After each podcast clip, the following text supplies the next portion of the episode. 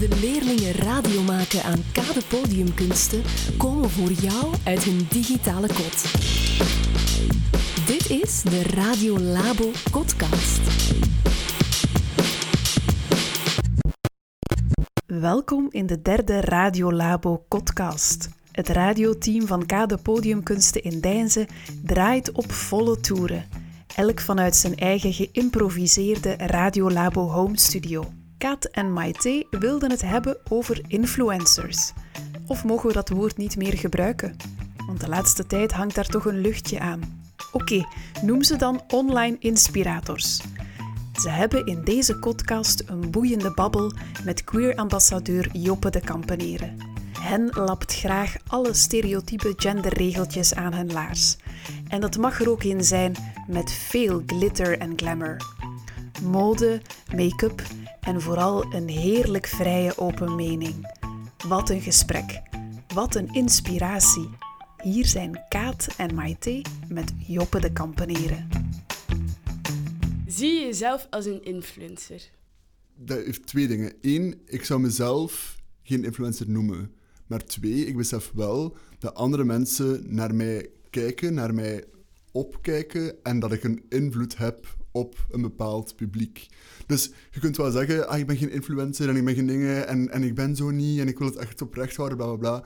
Ja, goed, schoon, leuk. Maar los daarvan moet je ook wel gewoon beseffen dat je ja, een verantwoordelijkheid draagt of een, een, een bepaald persoon zijt die toch ja, enigszins invloed kan uitoefenen op vaak jongere mensen. Dus um, ik zou mezelf geen influencer noemen in de traditionele zin van het woord, als in zo... Ik doe niet heel veel branddeals, ik, ben, ik heb geen, geen code voor 20% korting bij weet ik veel welke merken. Dat is niet wie ik ben, dat is niet wat ik doe. Um, mijn platform heeft altijd al meer gedraaid om gewoon mijn eigen zelfexpressie en dan daaraan proberen om een bredere boodschap op te hangen. Um, en dat is niet iets wat de doorsnee influencer doet op Instagram of op weet ik veel waar. Dus um, ja en nee ergens. Maar ik begrijp wel dat mensen mij er uh, in, dat, in dat vakje klasseren of zoiets. Ja. ja.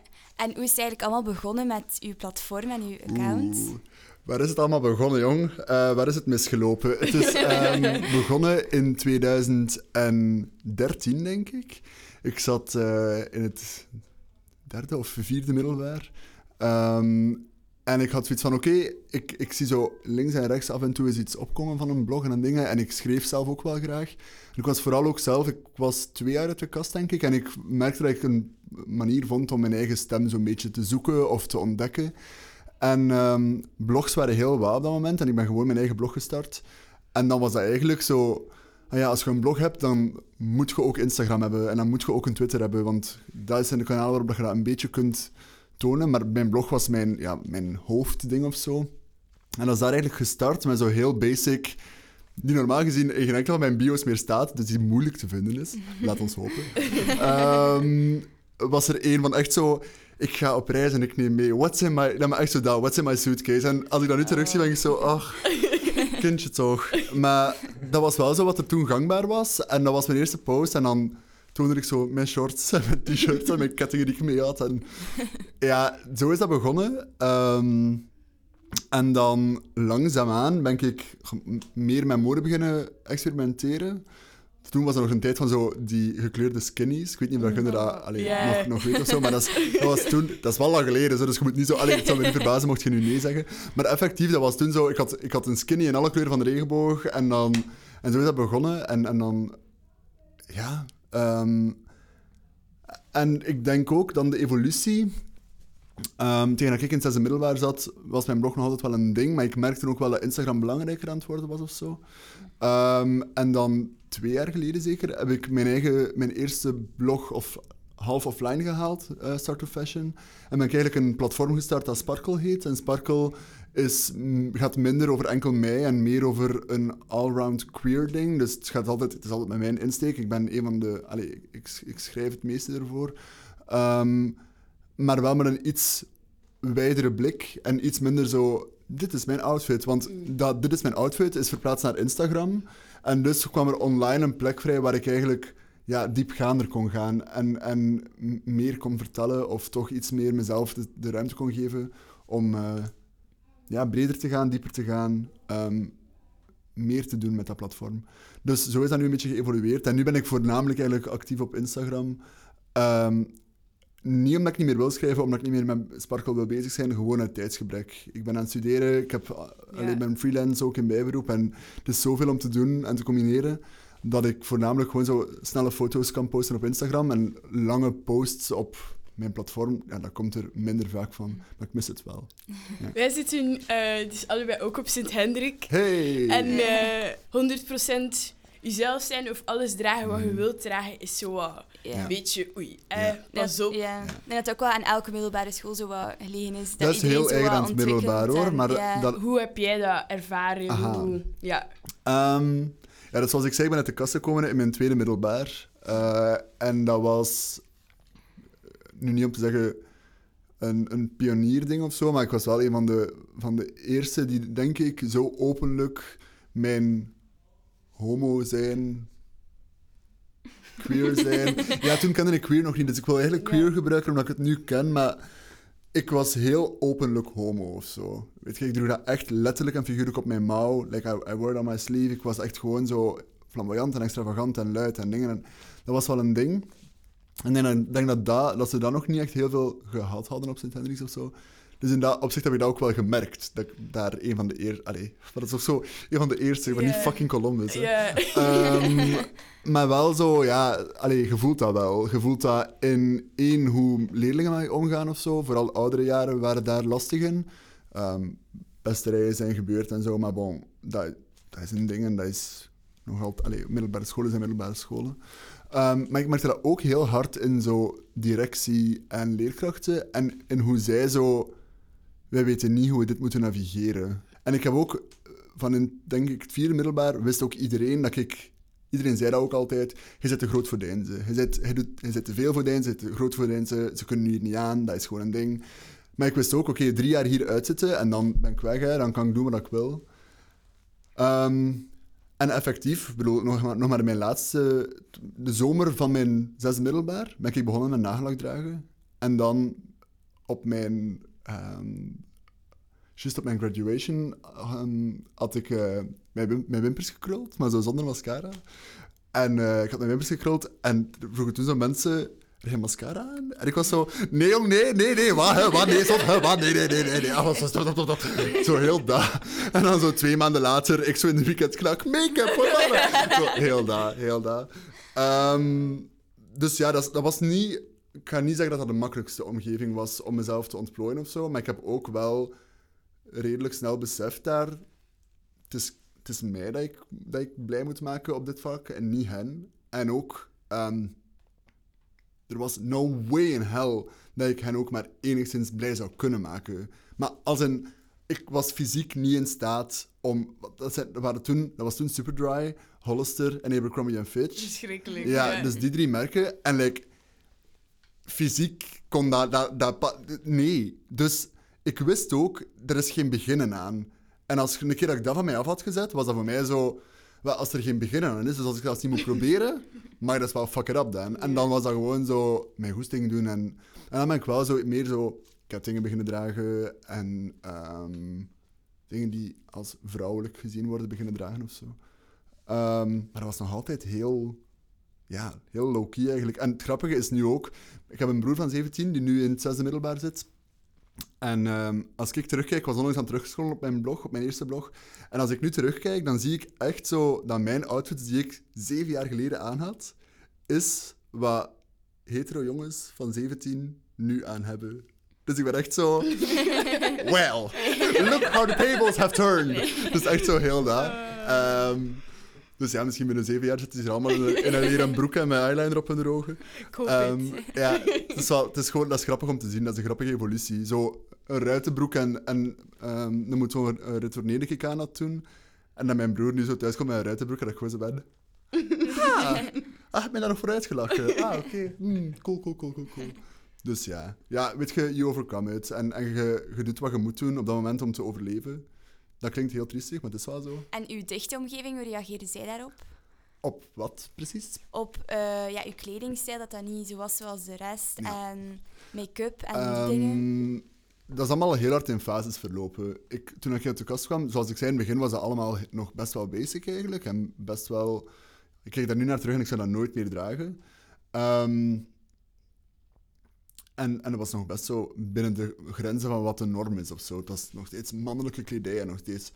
ehm, maar gewoon verfijnder. En, en van in het begin zijn mijn ouders heel bezorgd geweest gewoon. Dus als zij tegenkant in gaven of bo- boze reacties, boos zijn ze nooit geweest, maar ehm, als ze dingen ter discussie stelden, dan was dat uit bezorgdheid en uit liefde en uit een dingen van, oh shit, ik ga commentaar krijgen of problemen krijgen of dat gaat ervoor zorgen dat hij in een outsiderrol ehm terechtkomt. Ehm, dus, dat is eigenlijk zo altijd een beetje het ding geweest. Of dat nu... In het begin was dat dan met die verfijndere kledij en dan was dat zo een ketting waar we ruzie over maakten en dan plots begon ik make-up te dragen en dan was het wel zo... Oké, maar wacht. Wat is deze? Like, want dan, dan moet je...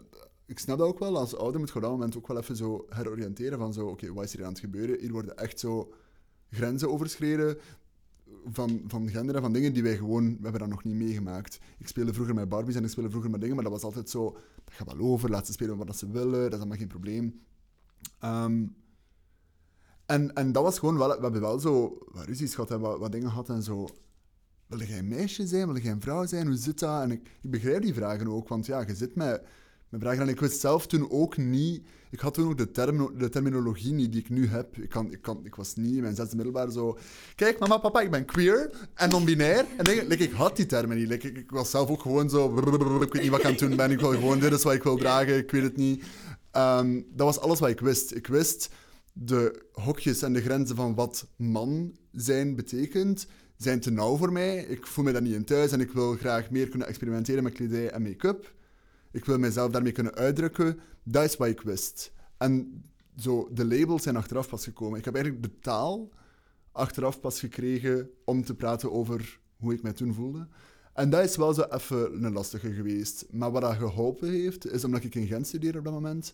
En mijn ouders wonen in Deinze. Ehm, mijn mama geeft les op Sint-Hendriks. Dus als ik daar naar school ging, was dat voor haar heel dichtbij. Als zij daar moest horen van haar collega's hoe ik gepest werd, hoe ik commentaar kreeg, hoe ik dingen, was heel heftig voor haar. Als ik op de zat in Gent, is dat iets meer afstand, waardoor dat zij... Weet je, ja, ik vertrok 's ochtends en ze hadden mij misschien niet gezien. En dan is dat voor hen zo... Wat heeft hij nu weer aan vandaag? Maar ze weten het niet en ze zien het niet. En daardoor... Ja, ze zagen dan ook wel op een duur dat ik daar positief mee ehm, dingen mee kon doen. Dat mensen mij ja, interviewden en, en eh, interessant vonden. Eh, of, of dat ik daar dingen mee bereikte ook vooral. Weet je, dat ik, daar mijn, dat ik daar mijn kracht van gemaakt had en dat ik daar zelf zo... Ja, dat ik zei, hop, en nu ga ik de teugel zelf in handen nemen en ik ga er iets mee doen. En dus zij zagen ook wel, oké, hij raakt wel ergens. Het is niet dat zijn expressie en zijn dingen en kledij en make-up hem tegenhoudt. Integendeel. Ehm, dus ook dat heeft geholpen in zo dat verwerkingsproces, maar dat is wel heel hard een verwerkingsproces geweest. En heel hard zo een aanpassen en zo een... Hoe bevinden wij ons tegenover elkaar in een ruimte of in een relatie of in een... Hoe zit dat?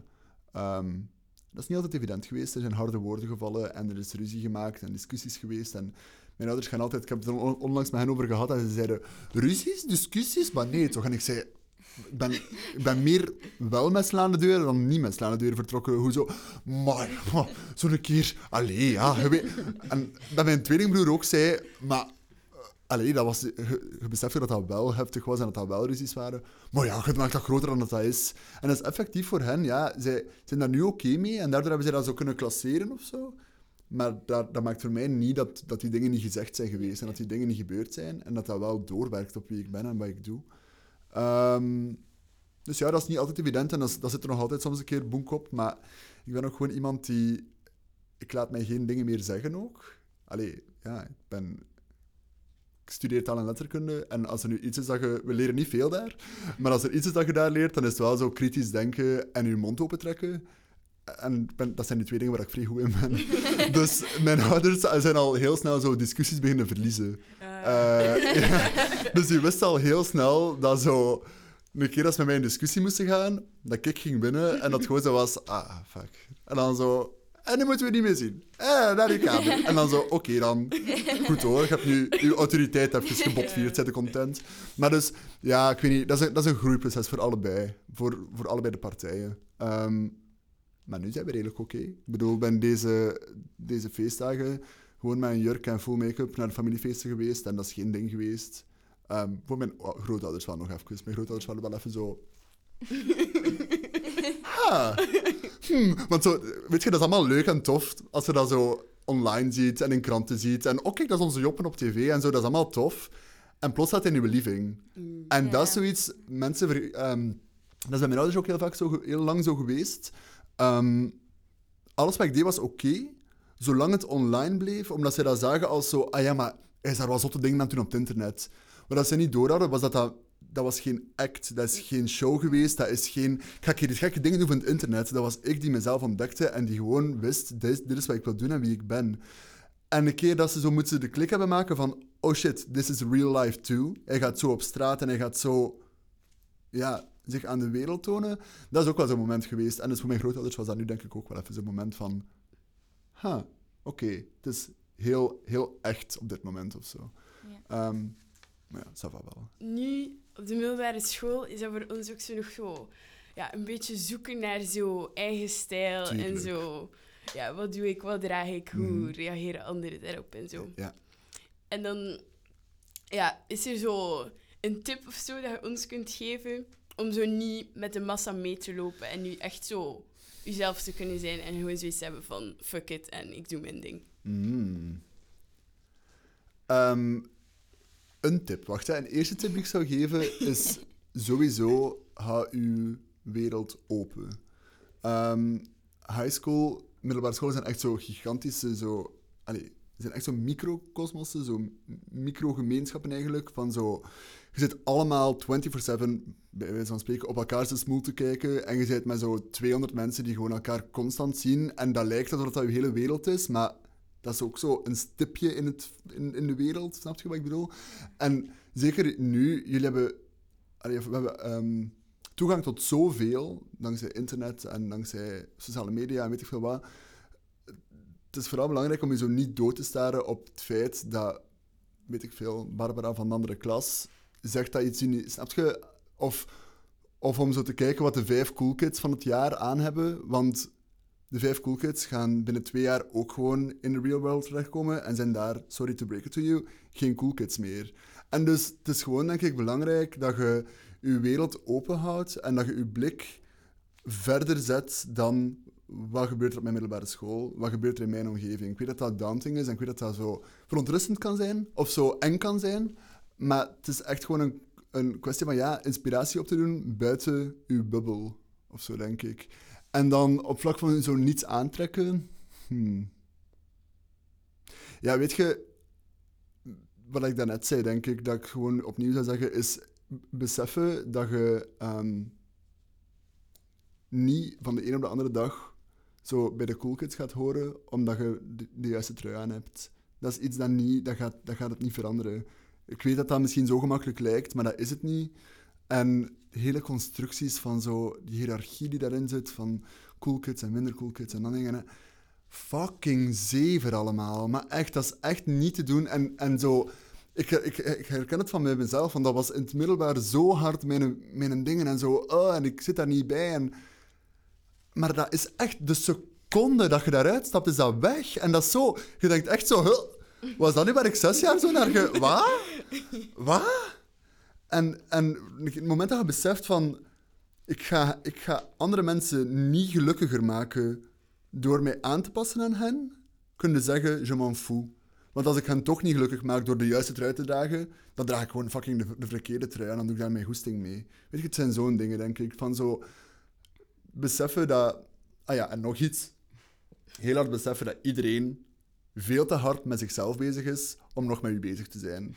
Like dat, dat, is, like dat is echt zo'n ding. Dat is in de middelbare school zo, maar dat is ook daarna zo. Iedereen is veel te hard bezig met... Ben ik een juiste mens?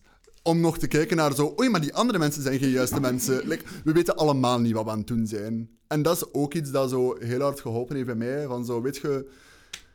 We doen allemaal maar iets. En ehm, voor mij is het ook altijd geweest... Mijn leven is fucking kort. En dat klinkt zo heel hard de bomma die hier een lesje komt tegen. Maar het leven is fucking kort en ik wil niet als ik gelukkig ga worden door iets aan te doen, zoiets kleins als zo voor mijn kast staan en kiezen voor wat wil ik aandoen, ja, dan wil ik dat klein geluksgeval gehad hebben. Als het alternatief is grijs en triestig door de dag komen. Weet je, het is al zo kort en je hebt maar al zo weinig waar je echt zo zelf kunt zeggen, daar word ik nu een keer gelukkig van. Ja, dan wil ik wel pakken wat ik kan pakken of zo. Dus dat zijn een paar tips en tricks van Tante Kaat. Uh, ja, zo wat dingen die ik zou zeggen, eventueel. Ik weet niet of dat helpt of zo zelfs. Ja, maar, ja. weet je, hard. ja, ik vind dat gewoon zelf moeilijk, omdat mensen vragen mij dat vaak. Zo, waar haalt je de moed vandaan en hoe doet je dat? En. Maar ik, dat was voor mij soms ook in het middelbaar voor de spiegel staan en zeggen... Het wordt weer zo'n dag. Mm. En weten, ik ga blikken krijgen, ik ga dingen krijgen. En soms... Allee, ik, ik heb het deze week nog gehad, ik heb niet zo'n goede week momenteel. En, en, en dan is dat ook gewoon een ding van, oké... ik ga blikken krijgen op dat is een ding. Maar dit maakt me wel gelukkig en ik ga, weet je, powerdressen en weet ik veel wat, om mezelf even dat momentje te geven. En dat... Maar dat is voor mij ook een proces van vallen en opstaan nog altijd. En van, en, of niet per se van vallen, maar gewoon van even zo adem in, adem uit en gaan. En soms moet je gewoon dat doen. Adem in, adem uit en gaan. Je hebt ook al heel veel leuke dingen kunnen doen door je stijl. Klopt. Eh, hoe ben je bijvoorbeeld bij Zalando terechtgekomen? Ach, dan zijn ze bij mij terechtgekomen. Ik ben niet bij hen terechtgekomen. Nee, ehm, ik heb...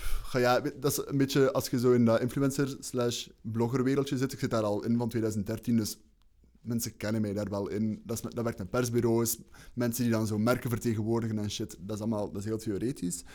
Ehm, en dat, dat is een gigantische business. Maar basically, dat is een kwestie van de juiste campagne, de juiste mensen die daarop zitten en dan een telefoon krijgen van hey, wij doen iets voor Zalando en wij denken dat jij perfect binnen dat profiel past. Het gaat over gender en het gaat over jezelf zijn. Zie je dat zitten? En dan is dat een kwestie van bespreken, van voorwaarden, van eh, oké, hoe zit dat? Wat, gaan we, wat doen we samen?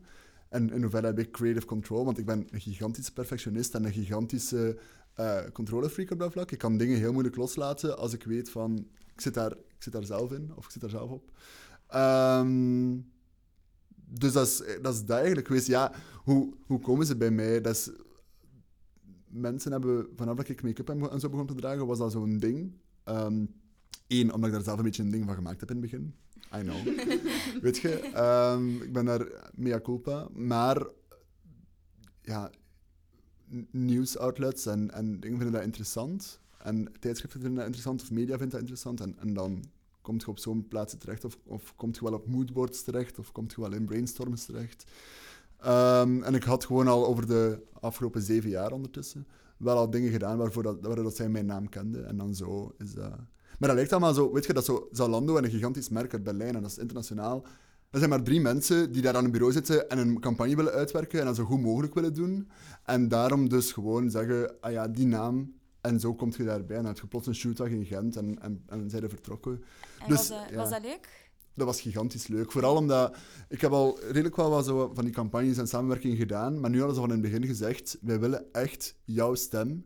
En wat dat inhield was gewoon, ik mocht mijn eigen dialogen schrijven, mijn eigen, eh, dus alles van teksten. Ik mocht mijn eigen, ik mocht mijn vrienden in die clip hebben. Dus ik mocht gewoon zeggen of ik met vijf of met tien of met dertig of met drie figuranten wilde daar wilde zijn, mocht ik kiezen. Ik mocht de locatie kiezen van waar ik het meeste wilde, waar ik het liefste wilde shooten, omdat ik mij te- daar thuis voelde. Ik heb mijn eigen kledij mogen kiezen, zelf mogen bestellen op Zalando en dan zo. Allee, dus alles, dat was allemaal heel hard mijn creative control. En daardoor is dat leuk, omdat, zoals ik daarnet zei, ik ben een gigantische controlefreak en perfectionist, maar, en dit gaat even heel goed zijn klinken, ik weet ook wel dat wat ik doe op dat vlak goed is. Like, punt. Ik, ik wil daar niet zo eh, valse Vlaamse bescheidenheid, fuck dat, ik ben gewoon goed in wat ik doe. Ehm, dus ik wist ook, als ik dat mag doen, dan weet ik dat dat goed gaat zijn.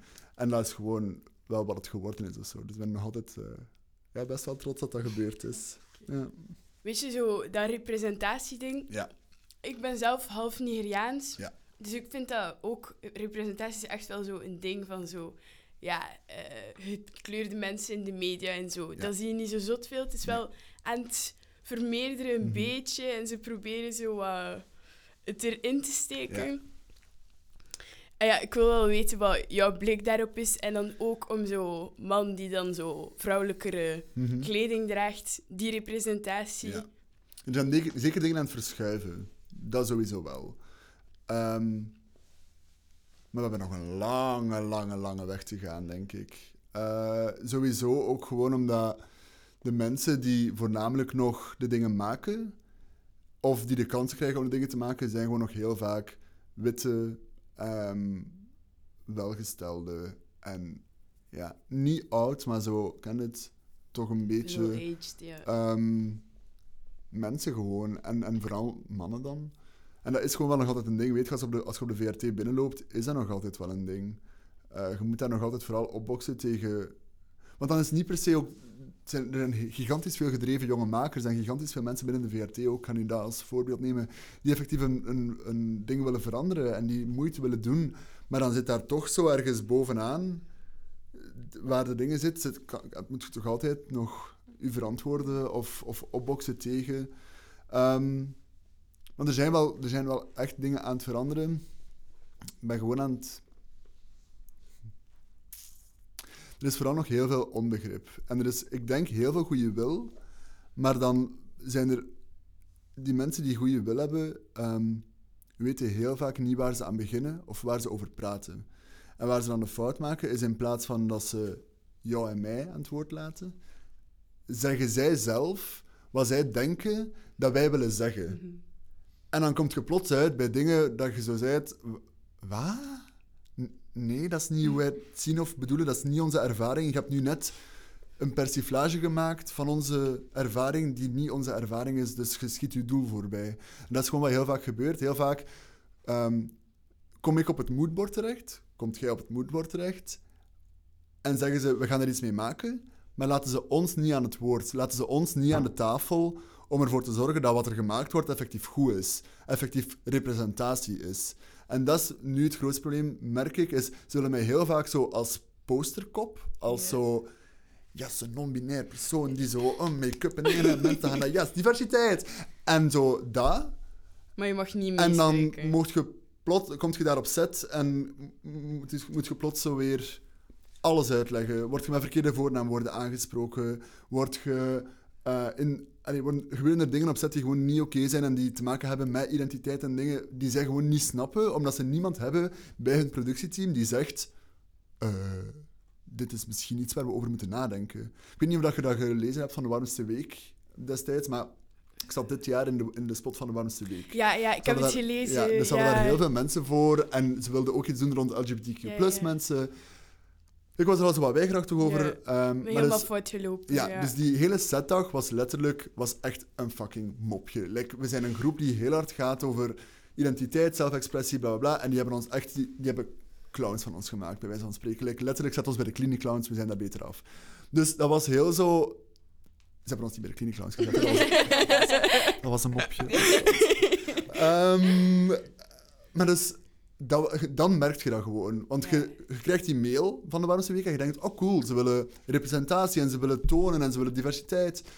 En dan kom je toe en dan, zijn er, dan staat je in een groep van 200 mensen. En dan zijn er drie zwarte mensen in die 200 mensen. En dan zetten ze die schoonekes daar, daar en daar vooraan. Zodat het lijkt dat die hele groep divers is. Maar dan hebben ze gewoon die eerste drie rijen waar drie zwarte mensen of drie mensen van kleur staan. En dan besef je gewoon op zo'n moment, dit is beeldvorming. En dit is gewoon een soort... En propaganda is een zwaar woord, maar is een soort van... Kijk eens hoe goed wij bezig zijn. Maar eigenlijk zijn we niet goed bezig. Ja, sorry voor de rare geluiden die uit mijn keel komen trouwens. Af en toe komt dat theaterding er nog, nog altijd uit. Dus ehm, ja, nee, dat is- dat is mijn my two cents over, twee- over representatie. Is vooral, ga voorbij het posterkind en, en laat ons aan de tafel. Laat ons ons woord doen en laat ons effectief onze stem gebruiken in plaats van ehm, voor ons te willen praten. Eh, of over ons te willen praten. Laat ons praten. Ja, wel, dus als ouders hebben denk ik zelf weinig te maken gehad met gender en identiteit en zo. Ja. En nu komt er heel veel in beweging, maar denk je in de toekomst dat dat dan echt nog veel verder zal evolueren? Dat binnen zoveel jaar mogelijk gaat zijn om echt voor iedereen om zichzelf volledig te zijn? Hmm. Weet je, als je me die vraag twee of drie jaar geleden had gesteld, dan had ik misschien ja geantwoord. Maar ehm, ik, word wel een, ik ben wel zo'n beetje bang of ongerust de laatste tijd of zo. De laatste jaren. Als je ziet wat die gigantische ruk naar rechts, politiek dan, en op maatschappelijk vlak, betekend heeft. ehm, en dat polariseren en die extreme kampen, zowel links als rechts dan. Ik weet niet zo goed ehm, of dat, of dat een, een ding gaat zijn. Of dat, of- want volgens mij is dat gewoon heel kumbaya en niet zo realistisch misschien. Ehm, omdat wij nu eenmaal in een kapitalistisch systeem leven dat er dat bestaat doordat mensen in hokjes worden opgedeeld. En doordat mensen... Wacht, ik moet dat ga simpel zeggen. Het feit dat er vrouwen- en mannenkleren bestaan, is voordeliger dan dat er enkel mensenkleren zouden bestaan, omdat je kunt targeten naar bepaalde groepen en meer geld kunt scheppen van bepaalde groepen. Dat, heeft al, dat hangt allemaal heel giga- gigantisch samen en dat zijn dingen dat je zo ja, je kunt daar niet om of tenzij dat we de hele boel in de fik steken of zo. En ook dat is moeilijk. Ehm, dus, dus ik weet niet zo goed in hoeverre dat, dat, dat je nu kunt zeggen, binnen een aantal jaren gaat alles... Ik hoop het wel. Ik hoop dat er ruimte voor komt. Ik hoop dat er ruimte komt voor, voor openheid, voor, voor jezelf zijn en voor ehm, vooral... ehm, ja, ik denk dat die ruimte het belangrijkste is. Dat mensen elkaar de ruimte geven om gewoon te zeggen: onderzoek wat je leuk vindt, wat je wilt zijn, wie je wilt zijn. En doe daar je ding mee.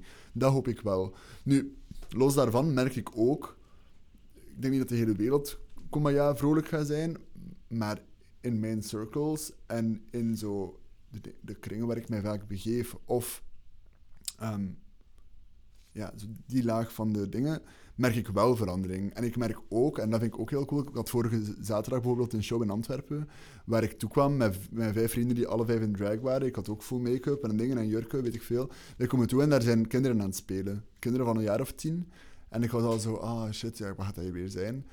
En we komen toe en drie van de kinderen zijn gewoon zo, hé, dat zijn drag queens! Oh, zo leuk. En het feit, maar en dus niet alleen dat dat, niet per se dat dat positief was, want die hadden ook eh, drag queens kunnen zeggen. Het feit dat die de taal hebben om te zeggen: hé, hey, dat is dat, is wel cool. En is wel zo teken dat er dingen aan het veranderen zijn. Want dan was er ook zo iemand die zo over mij dan, ah, heb je Jeffree Star gezien? Ja, dat is precies zo wat dat, zo wat ding. Dus die hebben nu wel zo mensen naar wie ze kunnen opkijken en een referentiekader. En als ik dat is heel belangrijk in hoe je je begeeft in de wereld en hoe je ehm, dingen benoemt. Want heel veel van haat en, en, en ehm, dingen komt uit onwetendheid en komt uit angst. En vanaf dat je dingen kunt benoemen, of dat je dingen kunt snappen of vatten, gaat die angst of wordt die angst een stukje weggenomen. Dat is daarom dat er zijn ook mensen die zo een interview lezen met een, een, iemand van kleur en die plots zeggen, ah, maar dat is wel een goeie. Maar hoe komt dat? Omdat ze de moeite hebben genomen om te lezen dat dat effectief een mens is zoals hen. En als je kunt relaten naar mensen als mensen, als personen net als u, dan gaat je weg van zo dat collectief, dus één massa die ons komt overrompelen.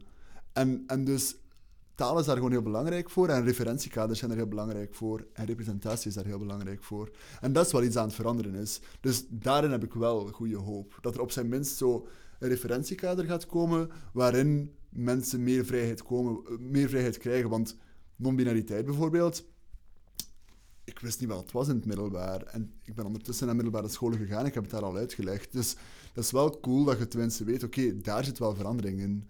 Ehm, ja, dus, dus dat wel.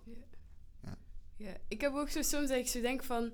Wow, allee, alles gaat zo goed. Iedereen doet zijn ding. Iedereen Mhm. heeft echt de kans om zo te zijn wie dat hij wil zijn. Mhm. En dan zie je zo, ja, extreem rechts, zo- zo'n tweet of zo'n meme. En dat ik dan echt denk van, wow, ah ja, oeps, Ja, toch niet. ja. Ja. Ehm, ook ja, je woont nu nog steeds in Deinzen? Ja. En dan... Nog net. Ik ben van plan om in september te verhuizen naar Ah, Gent. oké, ja, kijk, dat was mijn vraag. Ah, ah, sorry. Ah. Ja. Wat zou zo een, een droomplaats zijn waar je nog graag zou willen wonen? Oeh, een droomplaats? Als ik nu naar budget moet kijken... ehm,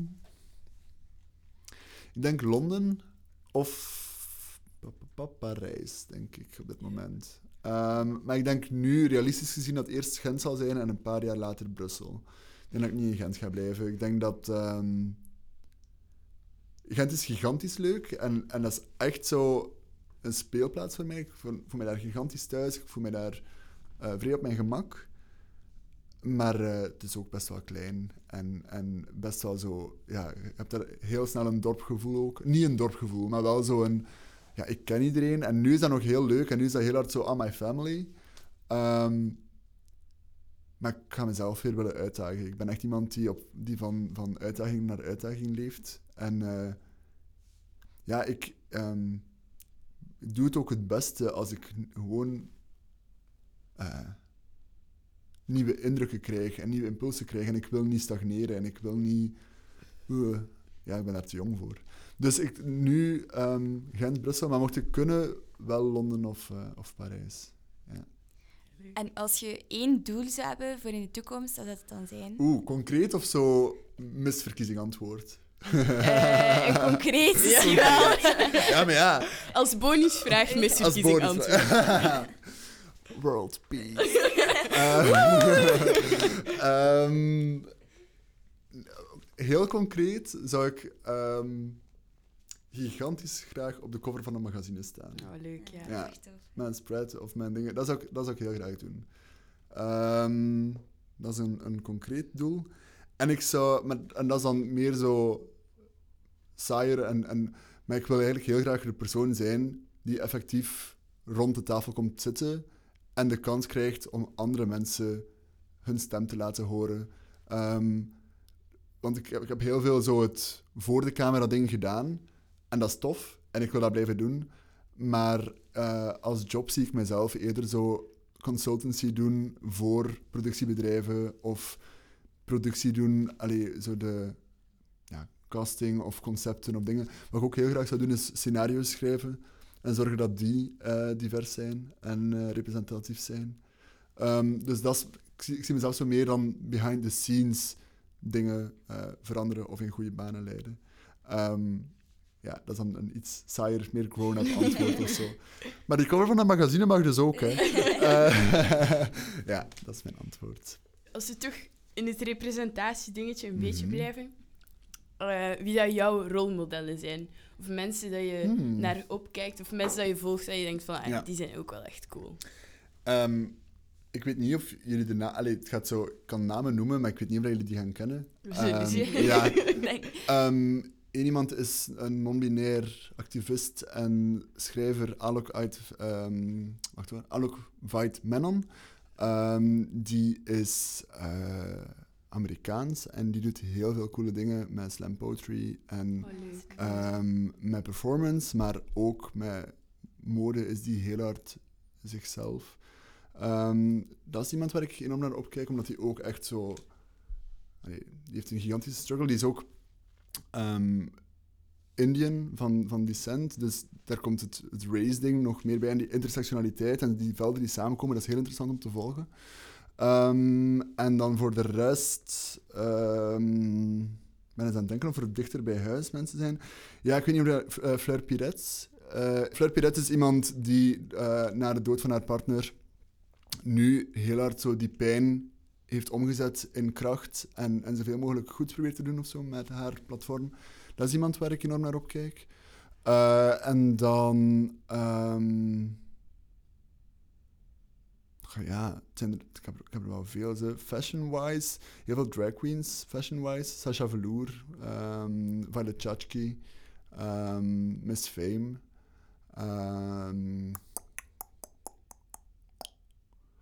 Maxime Magnus is een Belgisch, uh, Belgische transvrouw uh, die model is en die heel veel coole dingen doet. Uh, die haar stem ook echt goed gebruikt, vind ik.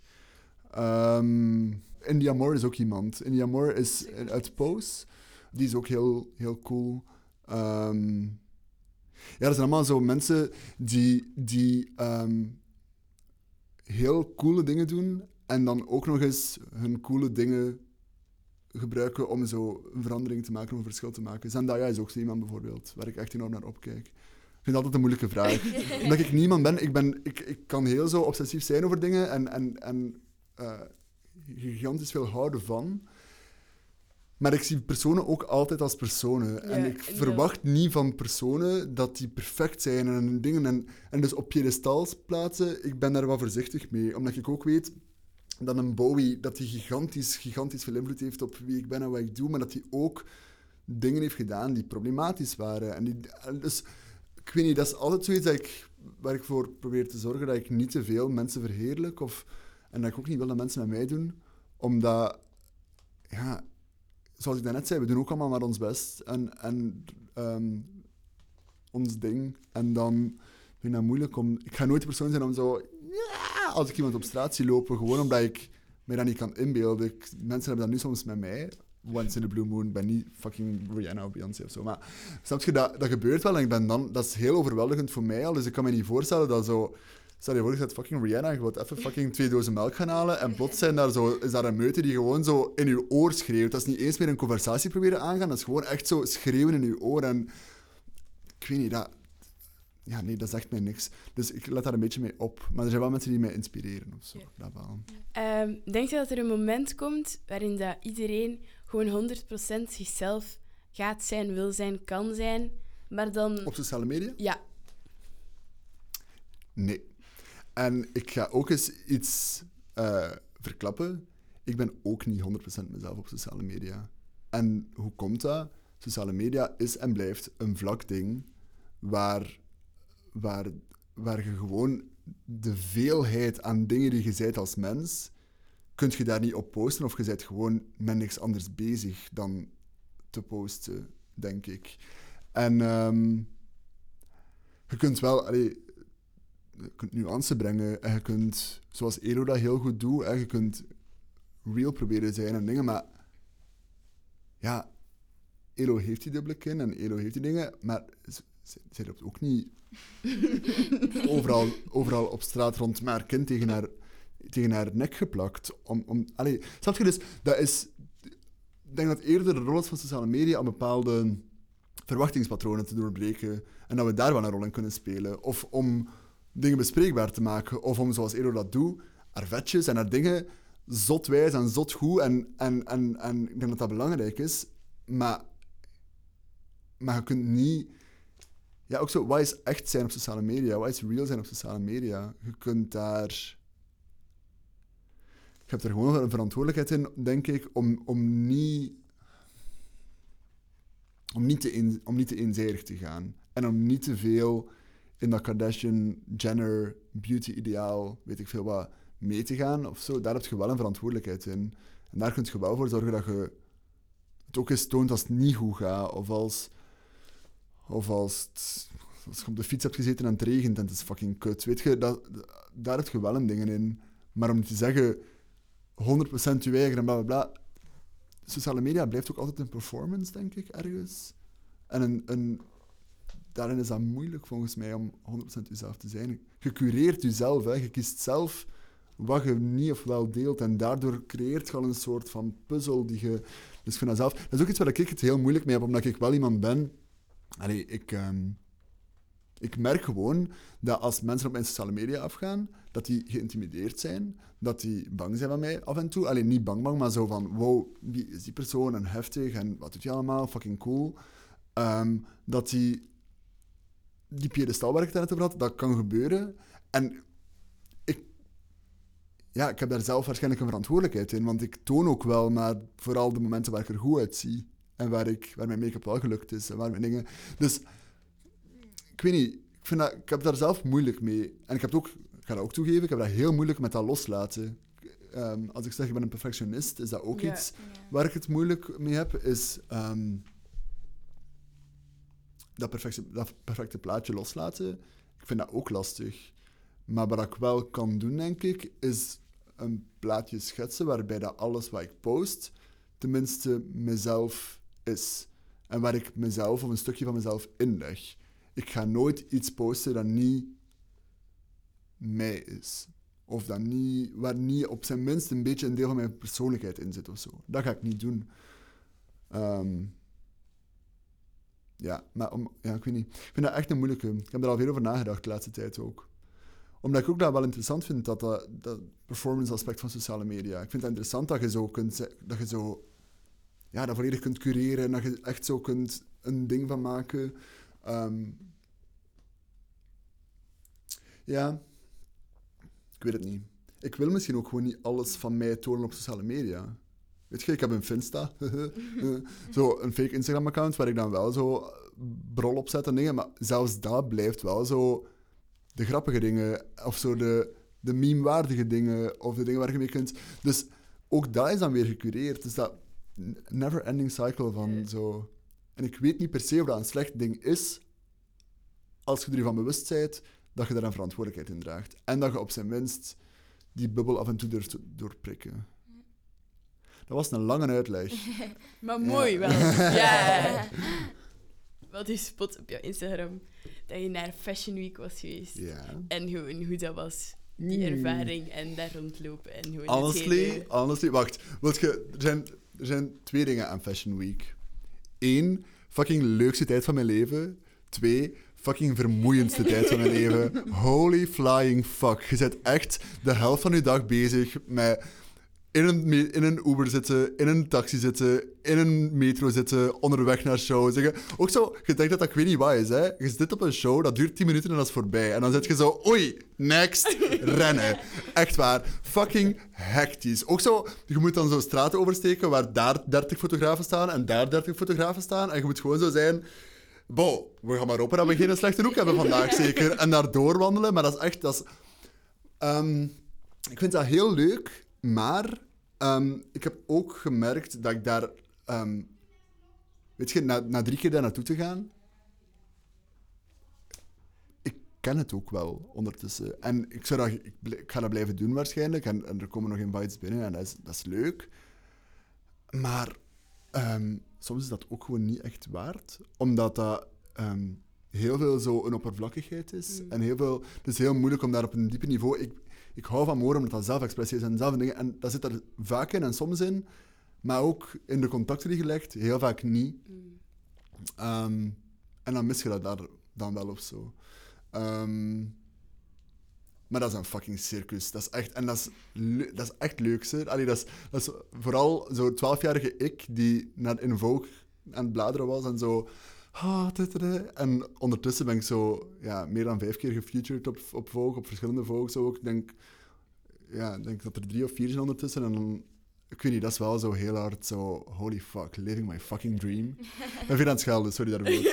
Ehm, wel zo heel hard mijn droom aan het leven of zo. Ehm, maar dan interessant ook om te merken dat die droom is wel, was of is mijn droom. Maar ook daar, ja, je idealiseert dat wel. En je, je zit daarin en dan denk je... Huh, dat, heeft mij niet, dat heeft mij niet gigantisch gelukkig gemaakt. Allee, veel gelukkiger dan eender wat wat ik op hetzelfde moment aan zou kunnen... Maar toch, dat is geen wondermiddel om dan plots zo on top of the world te zijn of zo. Ja. Ehm, je moet je ook gewoon naar huis met de Flixbus. Eh, dus eh, ja, ik weet niet. Maar wel, ja. Dat, dat, dat, kan dat, dat is moeilijk om uit te leggen, om, omdat dat heel veel verschillende lagen heeft. Ehm, maar ja, ik ga dat nog wel doen, denk ik. En eh, het is wel de moeite waard om een keer gedaan te hebben. Oké, ja. Oké. Ik denk dat we nu wel kunnen afsluiten. Echt mega dank u. Ja, dat is echt een... Heel graag gedaan. Ja. Oké, fijn. Dank jullie wel. Lieve prinsen en prinsesjes, dit is Camille uit Prinsessia en jullie luisteren naar Radio Labo. Het is hier heel leuk, maar wel een grote troep. Dus ik hoop niet dat ze verwachten dat ik hier opruim. Dat was Joppe de Kampeneren in ons Radio Labo. En in onze volgende podcast nog zo'n inspirerend rolmodel van Kaat en Maite, Elodie Gabias. Meer dan 80.000 volgers op Instagram. Daar moeten we het fijne van weten. Tot snel en hou je goed hè. De leerlingen radio maken aan Kade Podiumkunsten komen voor jou uit hun digitale kot. Dit is de Radio Labo podcast.